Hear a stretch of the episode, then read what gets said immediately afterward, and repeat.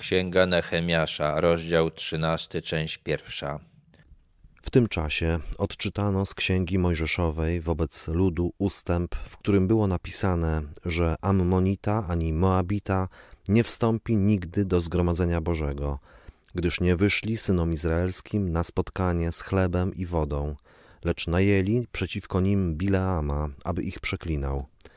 Ale Bóg nasz przemienił przekleństwo w błogosławieństwo. Gdy tedy usłyszeli to postanowienie, wyłączyli z Izraela wszystkich obcoplemieńców. Studiowanie prawa mojżeszowego trwało w Izraelu dalej. W końcu Żydzi natknęli się na tekst o Amonitach i Moabitach, o tym jak spróbowali zniszczyć lud Izraela. Było wiele ludów, które walczyły z Izraelem, ale metoda, którą zastosowali Amonici i Moabici była szczególnie podstępna i perfidna. Najęli Bileama, człowieka, który miał prawdziwe poznanie Boga, ale był chciwy na pieniądze i żądny znaczenia. Bóg nakazał, aby nawet w dziesiątym pokoleniu Amonici i Moabici nie byli dopuszczani do oddawania mu czci, nawet gdyby deklarowali, że wierzą w niego. Egipcjanie i Edomici mogli uczestniczyć w zgromadzeniach razem z rodowitymi Izraelitami w trzecim pokoleniu od czasu, kiedy uwierzyli w Boga Izraela. Z tego, co jest dalej napisane w księdze Nehemiasza, to większość tych, którzy przystąpili do Izraela, z którymi Żydzi mieli styczność i z którymi zawierali związki małżeńskie, to byli właśnie Amonici i Moabici. Żydzi wzięli sobie ten nakaz do serca i usunęli ich. I już nie wierzyli, że ci ludzie mogą szczerze czcić ich Boga. Swojego czasu kapłan Eliaszib, ustanowiony nadzorcą nad komnatami domu naszego Boga, bliski krewny Tobiasza, urządził dla niego przestronną komnatę, tam, gdzie przedtem przechowywano rzeczy potrzebne do ofiar z pokarmów, kadzidło, przybory, dziesięciny ze zboża, moszczu i oliwy, przypadające lewitom, śpiewakom i odźwiernym oraz dary dla kapłanów. O Tobiaszu Nehemiasz wspomniał kilka razy w swojej księdze.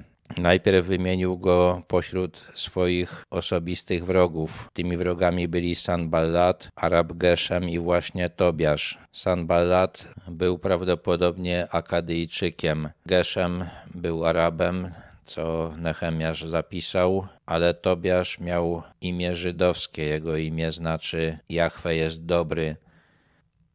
W rozdziale szóstym Nehemiasz pisał o intrygach Tobiasza, o tym jak starał się powstrzymać odbudowę murów i zohydzić Nehemiasza w oczach rodaków. Pisał też z kim był ożeniony, z kim ożenił się jego syn, ale nie napisał z jakiego rodu pochodził. Najwidoczniej wolał tego nie pisać i dopiero to, co zrobił kapłan Eliaszib, zmusiło go do tego, żeby napisać, że Tobiasz pochodził z rodu kapłańskiego i pomimo tego swojego znakomitego pochodzenia współdziałał z wrogami Izraela i działał na szkodę swojego narodu. Arcykapłanowi Eliashibowi najwidoczniej wcale to nie przeszkadzało. Dla swojego krewniaka kazał przerobić na mieszkanie komnatę, która była przeznaczona na sprzęty świątynne i na daniny, czyli była przeznaczona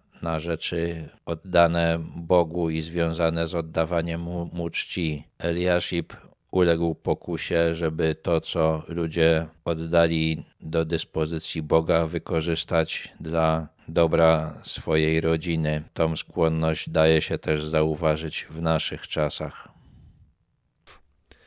Gdy to się działo, mnie nie było w Jeruzalemie, gdyż w 32 roku Artaxerxesa, króla babilońskiego, wyruszyłem do króla.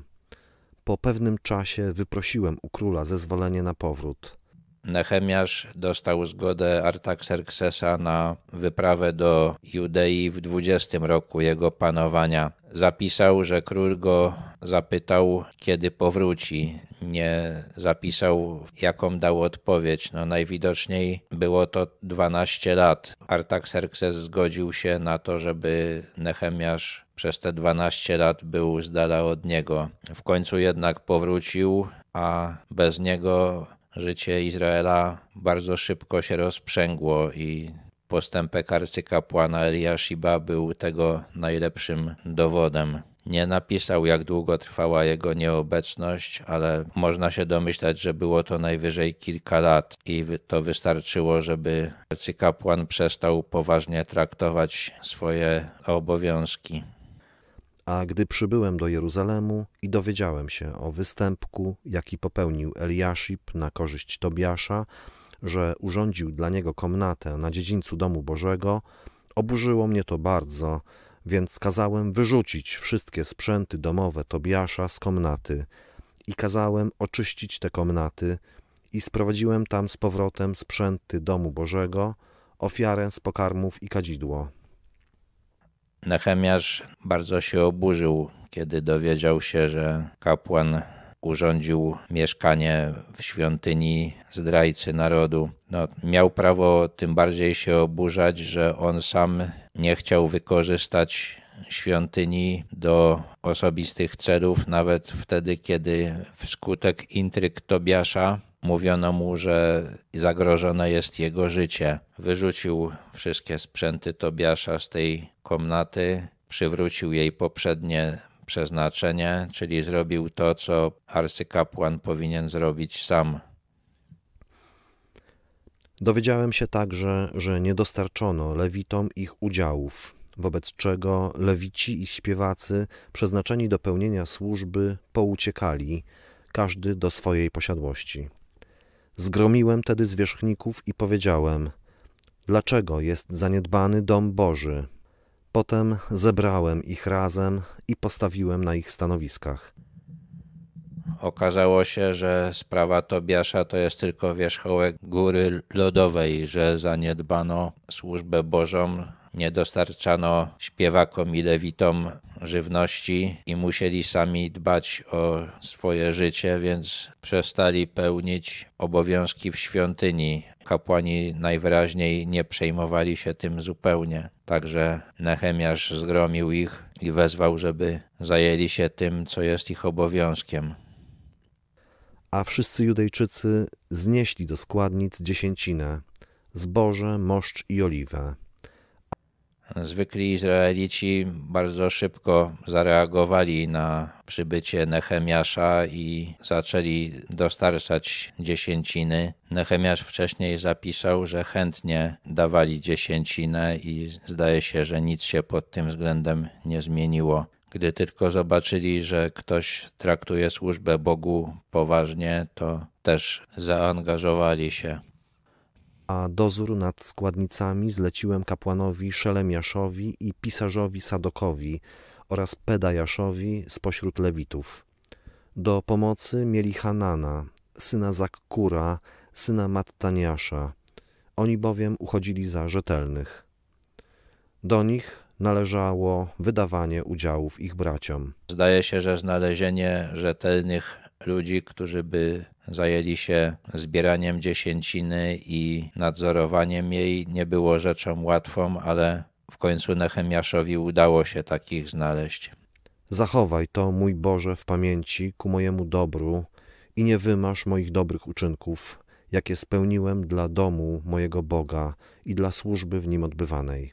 Ten zapis się powtarza Nehemiasz, nie wiedział na jakiej podstawie Bóg go będzie sądził, ale miał nadzieję, że to, że traktował poważnie służbę dla Boga, Bóg jakoś weźmie pod uwagę.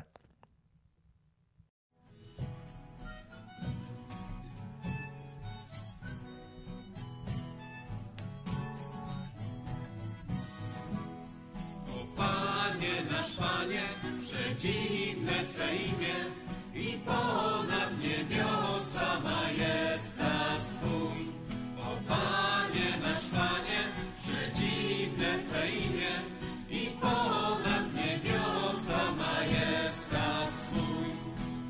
Kimże jest człowiek, że o nim pamiętasz?